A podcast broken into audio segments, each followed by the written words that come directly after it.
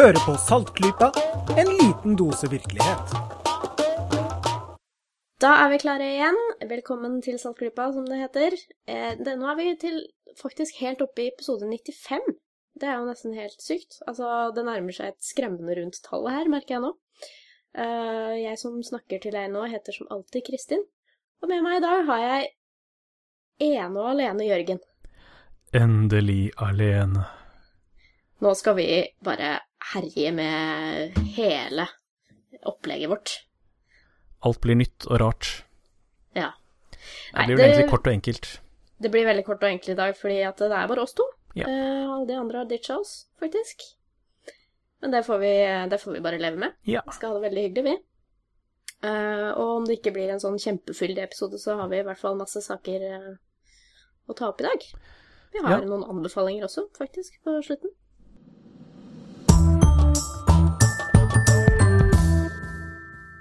Ja, da kan vi jo starte med en eh, liten oppdatering fra forrige episode, hvor vi snakket om eh, denne her store nye undersøkelsen om eh, hvor elendig homeopati fungerer, for det fungerer jo faktisk ikke.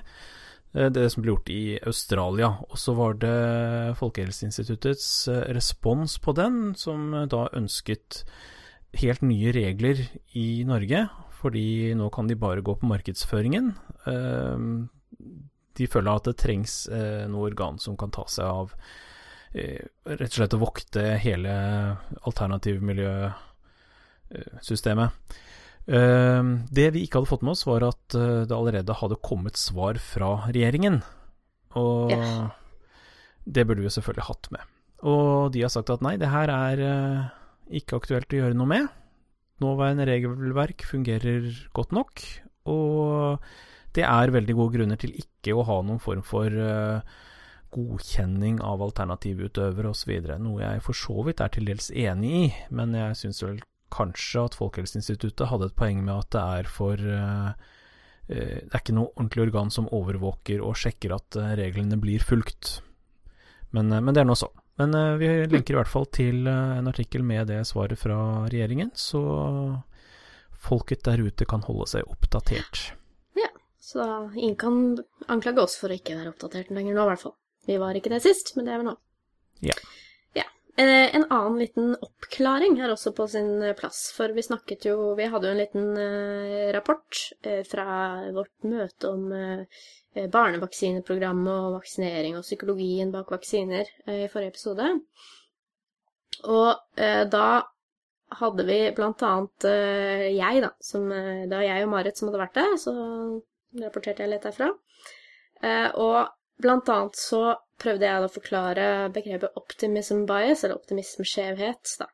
Og eh, Marit har vært veldig snill og hyggelig, og eh, bedt mamma kanskje oppklare det litt, for den ble sikkert litt unyansert. Så for å liksom gjenta dette her med disse snarveiene vi tar når vi skal prøve å komme oss gjennom tankeverdenen i den rasjonelle verden eh, her eh, som mennesker, så eh, er det annet en skjevhet som heter optimismeskjevhet. Og eh, en annen måte å si det på, da, jeg, nevnte noe med liksom hvordan man eh, hvordan man liksom personlig kan nekte for at hvis man blir presentert på en sånn for et tall, da, en, en, en tallfestet risiko, eh, og så nekter man liksom å rette, rette seg etter det. Det er ikke fullt så enkelt. Eh, det handler kanskje mer om å på en måte Hvis man gjør et overslag over sin egen evne til å liksom, altså, beregne tid eller budsjett eller sånne ting, eh, så er man veldig, veldig optimistisk gjerne på det. Eksempel hvis man skal gjøre et eller annet, hvis man har et prosjekt hjemme, og så sier man at det tar kanskje et par uker, og så står man der et år seinere og ennå ikke kommet i gang, eksempel. Det er et sånn typisk resultat da, av optimismeskjevhet. Så litt mer nyansert der, kanskje, men eh, for å ta det med noen som er enda flinkere enn meg, så skal vi godt linke til en litt eh, fyldigere forklaring på dette her med masse eksempler. Det skal vi nok klare å finne. Det er masse uh, nyttig om det veldig mye du prøvde å fortelle sist gang, som at ikke vi fikk med oss alle detaljer om det her, var kanskje ikke så rart.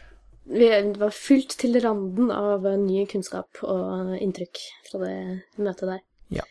Ja, det er det. Og eh, vi kommer til å håper å si med makt dra inn eh, Jan Ole Hesselberg til å forklare oss masse om biaser en annen gang også, tenker jeg.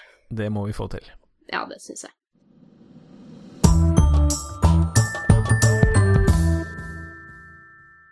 Over til våre nyhetssaker for i dag. Vi har et par stykk vi vil gjerne gå gjennom. Jeg kom over en veldig interessant greie. Um, surprise, surprise, romfartsrelatert, da. Nei! Jo. Uh, og det, dere har sikkert hørt om, og jeg har muligens også kanskje nevnt dette Mars One-prosjektet. Uh, har, du, har du noen peiling på hva det dreier seg om, Jørgen? Ja, det er vel eh, en ganske ekstrem versjon av reality-TV, hvor man sender folk til Mars og eh, finansierer det med TV-underholdning. Ja, det er veldig kort fortalt. Eh, det, er, et eh, initiativ fra noen år siden fra Nederland, eh, som har som Jørgen sier, et ganske hårete mål om å opprette en base på Mars som skal være bemannet av astronauter som har dratt dit, med enveisbillett, for de har jo ikke råd til å sende dem tilbake igjen. Uh, skal leve der nå resten av livet sitt. Uh, og som har da blitt stemt frem uh, fullt daglig, og ikke minst finansiert via et realityshow på TV. og ikke mindre enn de fire første astronautene som da til slutt liksom skal bli stemt frem, da, de skal allerede ankomme Mars i 2023, eller 2025 har de også sett, da. Det er jo virkelig ganske snart. Ja. Når man tenker romfartstidsplaner her, så er det sykt hårete. Og ikke nok med det. Hvert andre år etter det skal de sende fire nye astronauter til en rød planet. Og det som overraska mange, da, og meg også for så vidt, da jeg hørte om dette her, det er jo annet rapporten om hvor mange som faktisk søkte om å få denne eneveisbilletten, da. Hvor mange interesserte potensielle astronauter. Hvor mange var det? Og, nei, altså i, Hvis man uh, søker tilbake på nyheter om dette her uh, for et par år siden, blant annet, så kan man se i en artikkel i Dagbladet uh, at det er over 200 000 mennesker som har søkt om å få bli med. Jeg var ikke en av dem. Nei, det, du er ikke enig? Nei, men det er Jeg har jo blant annet eh, en norsk eh, gutt på 20 år, fyr på 20 år, som eh, heter Robin, som er med i denne konkurransen. Så det, det har kommet til Norge også, da, ikke sant, disse nyhetene her. Men eh, ikke uventet er det jo også nok av kritikk som har kommet om dette her. Eh, blant annet denne tidslinjen, da, at første oppskyting med som er ubemannet, da, med landingsfartøy og satellitt og litt sånne der sonder og sånn, den skal skytes opp allerede om tre år. Ja, vi har ikke hørt stort om eh, de praktiske forberedelsene til det, akkurat. Nei, vi har hørt om eh, mange andre mindre missions fra NASA, eksempel, som har en mye, mye, mye lengre tidsplan. Yep. Så ja. Også da eh, Noen få år senere, 2020, skal de sende en eh, rover, altså en, eh, en robot som kjører bortover. 2022 så skal man da begynne med, eh, med sånn godsfrakt til Mars. Også da, selvfølgelig da, et par år seinere skal de begynne med menneskene. Eh, De har kommet med kritikk om hvordan i all verden har de tenkt å beskytte astronautene mot det utrolig høye strålingsnivået på overflaten av Mars. Altså, den, den har jo ikke dette her beskyttende ma eh, eh, magnetfeltet som jorda har. Altså, atmosfæren består jo ikke akkurat av nitrogen og oksygen, sånn som det er her. Ehm, ikke sant? Altså, hva, hva da skal de grave dem ned? Hvordan skal de leve? Hvordan skal de opprettholde ressursene sine, ikke sant? Eh, hvordan skal de Detaljers holde- metaljer. ja. og ikke minst altså den finansieringsmodellen de har satset på, da. Hvordan skal den holde på lang sikt? Fordi dette er jo noe som virkelig bør holde på lang sikt, hvis det er snakk om mennesker som skal leve resten av livet sitt der. Ja, altså, de, kommer de seg dit, så blir det jo resten av livet, uansett om det blir kort eller lenge. det, er, det, er, det er faktisk helt sant. Det var et godt poeng. Kanskje det er et smutthull jeg ikke har tenkt på. Uh, men nå, da. Det, den saken jeg har lest uh, opptil flere steder, faktisk, det er altså da en av de potensielle astronautene som uh, da har kommet på eh, shortlisten, som det heter på godt norsk, over 100 deltakere. Det er altså eh, De har stemt det ned til 100 deltakere nå, eller valgt det ned, da, dette prosjektet. Han eh, ene fyren har nå trukket seg. Og han trakk seg fordi han da har gått ut og kommet med en rekke smått hårreisende anklager mot hele prosjektet. Og eh, ja Vet ikke om det er spesielt overraskende for den som hører på eller ikke.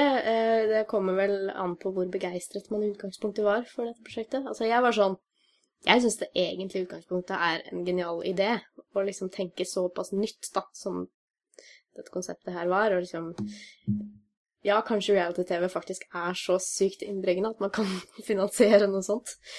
Ja, Men, eh, den- sprek idé. Jeg har også vært eh, eh, Jeg skal ikke si begeistret, men, men eh, kjenner litt økt puls med tanke på prosjektet, at dette her kan bli kult. Ja, og jeg Jeg har har vært skeptisk, kanskje da. Ja, man, man bør kanskje være litt skeptisk på sånne ting. Og han her heter da eh, Jos Joseph Roche. Eh, han er ikke en hvilken som helst uh, deltaker, eh, sett i forhold til hva han har meldt seg på. Han er faktisk astrofysiker selv. Eh, han var jo naturligvis veldig veldig fascinert og interessert i dette her, og grunnen til at han meldte seg på. Og eh, nå har han gått ut og virkelig avslørt noen saftige og for mange litt bedrøvelige detaljer da, om hele opplegget. Eh, kan nevne i fleng her eh, dette tallet vi hørte, og jeg har sett overalt i tidligere artikler om eh, dette prosjektet, 200 000 søknader. Det er ikke sant. Det kom totalt inn 2761 søknader. Oi. Så det er ganske mange nuller mindre. Ja. Eh, han har ikke møtt noe Altså, det, dette er liksom allerede et par år gammelt, ikke sant, inn i prosessen, og han har ennå ikke møtt noen fra prosjektet personlig. Oi.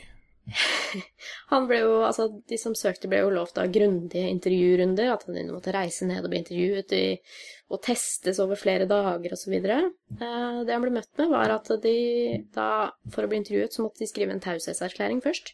Mhm. Og det hele endte med at eh, i stedet for at han reiste et sted for å bli intervjuet, eh, dybdeintervjuet, så eh, ble det hele en ti minutters Skype-samtale. Oi. Ja. Og så, eh, ikke nok med det, dette syns jeg var faktisk ganske fascinerende. Um, når man da søkte, så fikk man da vite at man ble en del av det som heter The Mars One Community. Eh, der ble man oppfordret til å kjøpe merch, eh, og hvis man kjøper merch, så fikk man poeng i bytte. Em, og så eh, var det slik at hvis man først ble valgt ut som finalist, da, slik han var, så eh, ble man jo også oppfordret til å liksom gå ut i mediene og så gjøre eksempel eh, dra til hjembyen sin og holde foredrag, liksom. Og, og de ble pent spurt om å donere 75% av det de tjente på slike oppdrag, eh, tilbake til prosjektet. Jaha. Ja, Så det vil de også ha. Og eh, ifølge Joseph Rush, da Det er bare én kilde, dette her, men uh, ifølge han så er det da de aller De som er helt i toppen nå uh, for å bli tatt inn i hovedprosjektet, det er tilfeldigvis de som har akkumulert flest av disse poengene i Mars One Community. Huh. De som har kjøpt mest stæsj. Uh, ja. Det var det. Så det spørs hvordan det Og det, og det, det har jeg også hørt at, altså, at de har nettopp mistet en av de store kontraktene sine da, for liksom en av disse her, eh, sponsorene sine, og de har per i dag faktisk ingen seriøse samarbeidspartnere. Jau da. Og eh, en av disse som eh, har gått ut og kritisert prosjektet fra før, da, har jo sagt at eh, med alle disse estimatene de har Nå sa jeg det at man skulle ta bort ganske mange nuller eh, til de som faktisk Det antallet som faktisk søkte på dette her, men eh, han eh, kritikeren her har også sagt at man helst bør legge en null bak alle de andre estimatene, som f.eks. antall år før dette kan bli en realitet. Eh, og hvor mye det kommer til å koste. Legg gjerne igjen både én og to nuller bak dette her. right. Så det er eh, siste nytt som jeg har fått med meg. Jeg skal legge, skal legge linker eh, til bl.a. blant annet en eh, bloggpost som Skeptics Guide la ut ikke lenge siden. Et intervju med Joseph Rosh i The Guardian, og en oppdatering fra Robin på 20, som er en av finalistene. Og han har fremdeles trua. Det er jo, det er jo fint, det, da. Det er jo lov, det. Ja. Å ha trua. ja. Nå er det jo én person som har gått ut, da, og det kan jo hende at eh, han er mektig irritert på et eller annet og har overdrevet og kanskje til og med ljugd litt, så Men uh, på den annen side så forundrer det meg jo ikke om dette her er sant. Nei, det, det har kanskje vært litt dårlig prosjektstyring, hva vet jeg. Uh, at det er uh, helt fullstendig ærlige intensjoner bak alt. Og jeg tviler jo for så vidt ikke på at dette er en uh, seriøs drøm, i hvert fall, da. for, de som, eh, for de som står bak prosjektet. Men eh, kanskje om en 50-60 år, kanskje vi nærmer oss noe da. Ja. Hvem vet.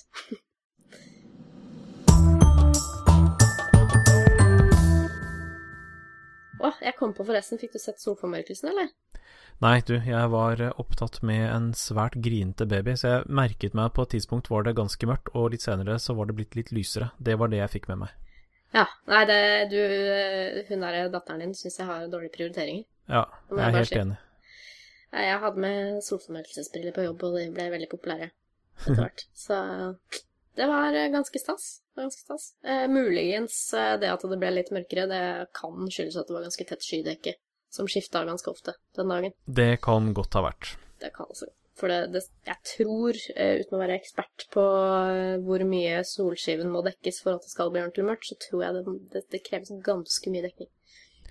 Ja, jeg så jo den forrige solformørkelsen vi hadde som det var noe futt i. Når var det? ja? 2008 eller noe sånt nå? Mhm. Og da ble det vesentlig mørkere. Det var tidlig, Ja, det tidlig på morgenen. Og Da var det vel kanskje ganske klarvær òg? Ja, da var det klart vær. Mhm. Så det var, ganske, det var veldig stas å se. Altså, det var jo 90 eh, dekning, og det var veldig kult å se Altså, bare se det sånn akkurat når det var på sitt sterkeste, så var det faktisk også litt mindre skyer, så det eller, Mens i minuttene før og etter så var det nesten sånn at man måtte ta av seg solformørkelsesbrillene for å nesten se noe som helst. Hm. Men det var veldig gøy. Ja. Jeg vil bare nevne det. Veldig kult. Og eh, ikke misunnelig i det hele tatt på folk jeg kjenner, eh, astronomer, som var på Svalbard. Ikke i det hele tatt. Mm. Det er så fint på Svalbard. Ja. Jeg var på Svalbard en gang. Jeg har lyst til å dra tilbake. Ja, jeg har også vært der. Folk kan jo melde seg på en morsom Facebook-arrangement jeg har funnet, som heter Solformørkelse Svalbard 2061. Det er en sånn 30 000-40 000 påmeldte allerede. Og det er diskusjonstråder om hvem som skal ha med grill, og Eh, om vi skal kjøre bil sammen, og sånn. Det er kjempekult. Nordmenn bra. har litt humor, da. Det er morsomt.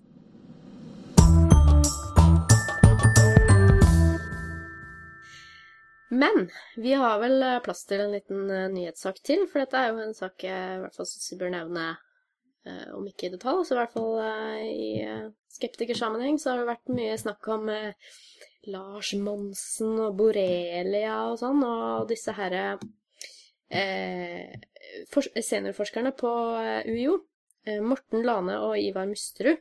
Ja, Ja, de var jo i vinden her for en tid tilbake. de var det. De hadde jo eh, De påstod jo at de hadde en veldig fin måte å ved hjelp av eh, klassiske mikroskopmetoder påvise bl.a. borrelia, bakterier og litt sånn forskjellig i blod, da. Eh, noe Folkehelseinstituttet stilte seg skeptiske til. Ja, det var opptil flere ting som var veldig rart med den saken. De fikk jo publisert en artikkel, men det var jo noen store metodiske svakheter, og det startet vel med, hvis jeg ikke husker feil, at de ikke hadde søkt korrekt om eh, noen sånn etisk komité om å få drive medisinsk forskning, sånn i utgangspunktet, så det det ble det jo ganske mye bråk om, og så manglet de ordentlige kontroller og sånt nå, så de hadde liksom bare sett på blodprøvene til folk som påsto å ha kronisk borreliose, tror jeg var tema. Og så mente de å finne noe som måtte være rester av borrelia. Og det var det opptil mange som eh, tvilte sterkt på at de hadde funnet.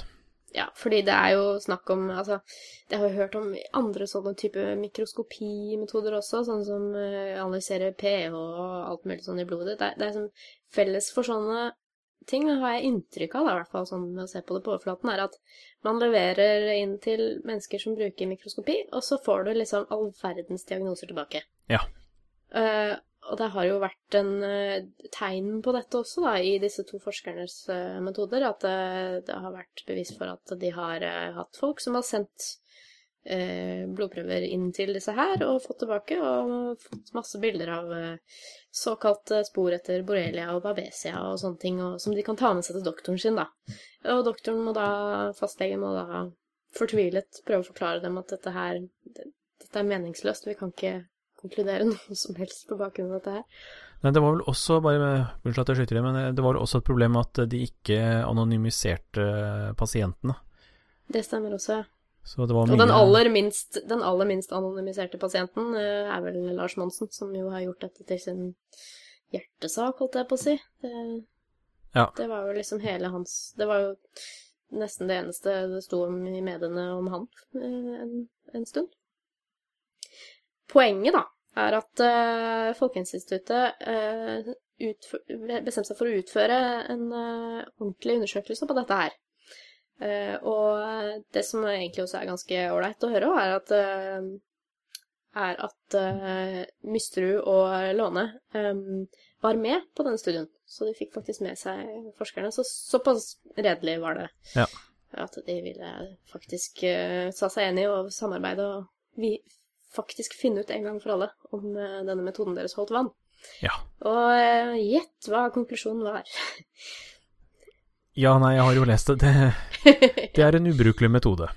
Det var faktisk ikke egnet i det hele tatt eh, for å påvise sånne ting som de påsto å kunne påvise.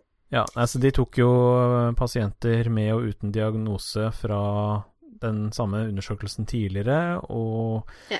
og hadde og blindet det, sånn at de ikke visste hva de undersøkte, og dermed så fant de ikke eh, det samme.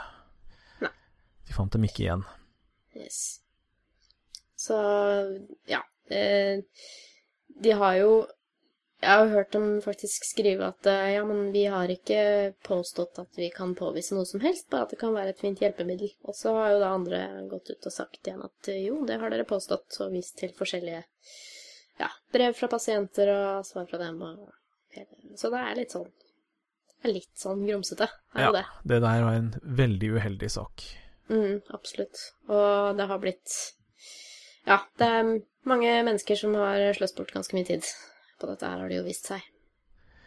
Ja, for det er jo ganske mange av disse som eh, mener seg å være kronisk borrelia-syke, som eh, fikk bekreftet diagnosen sin, på en måte, gjennom denne her ubrukelige undersøkelsen. Mm. Mm. Og liksom endelig, ja, de har funnet beviset for at det er som det er. Mens de tror da de har funnet en løsning, mens de da har et problem som vi nå i hvert fall ikke vet årsaken til. Nei. Så- Og det er jo helt naturlig at folk har veldig, veldig, veldig lyst til å finne svaret på hva som plager seg. Altså, Nemlig. for dette er jo folk som har hatt plager. Ja, derfor er det desto viktigere at eh, forskerne gjør dette skikkelig, sånn at man ikke skaper gale forventninger. Ja. Så her har de tråkka ordentlig i salaten, og nå viser det seg altså at de, den metoden de hadde funnet, overhodet ikke funker. Det er eh, Vi skal også linke til eh, en sak fra Dagbladet hvor eh, vår alles kjære professor Christian Gundersen uttaler seg om dette her. Han er jo ikke akkurat Ja, han er jo ikke akkurat nådig. Nei, Sier det at uh, å stille diagnoser er en alvorlig sak, og det er ikke noe som egner seg som en pensjonisthobby. ja, eller så sier han, på godt norsk var Lånes og Mysteruds borreliosemetode bare sludder. Bare sludder. Ja. Nei, det Det må jo kunne sies Altså, jeg må jo kunne si meg enig i det. Og det men jeg syns det er veldig fint at det i hvert fall får litt medieoppmerksomhet. Eh, Det også, da. At det faktisk har blitt eh, undersøkt ordentlig, og at man har kommet til en konklusjon. Ja. Ikke, bare det, ikke bare de store, flotte oppslagene. Jepp.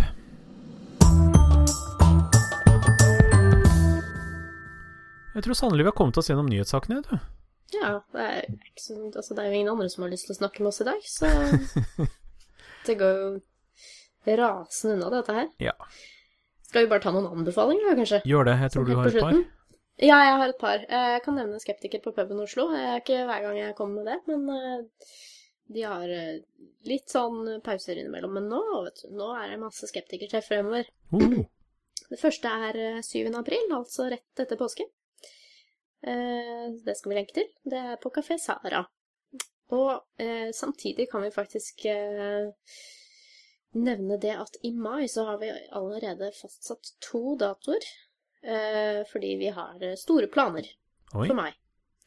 Eh, blant annet den åttende så får vi en veldig kul gjest. Jeg skal ikke røpe så veldig mye mer om det, men det kommer ganske snart oppdatering om det. Ok, jeg venter spent. 8. mai, altså. Det er en fredag, hvis ikke jeg tar feil.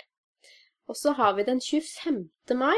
Da er det en veldig kul eh, merkedag som vi har tenkt å gjøre noe med. Vi har ikke noen store planer ennå, men eh, vi driver og drodler nå.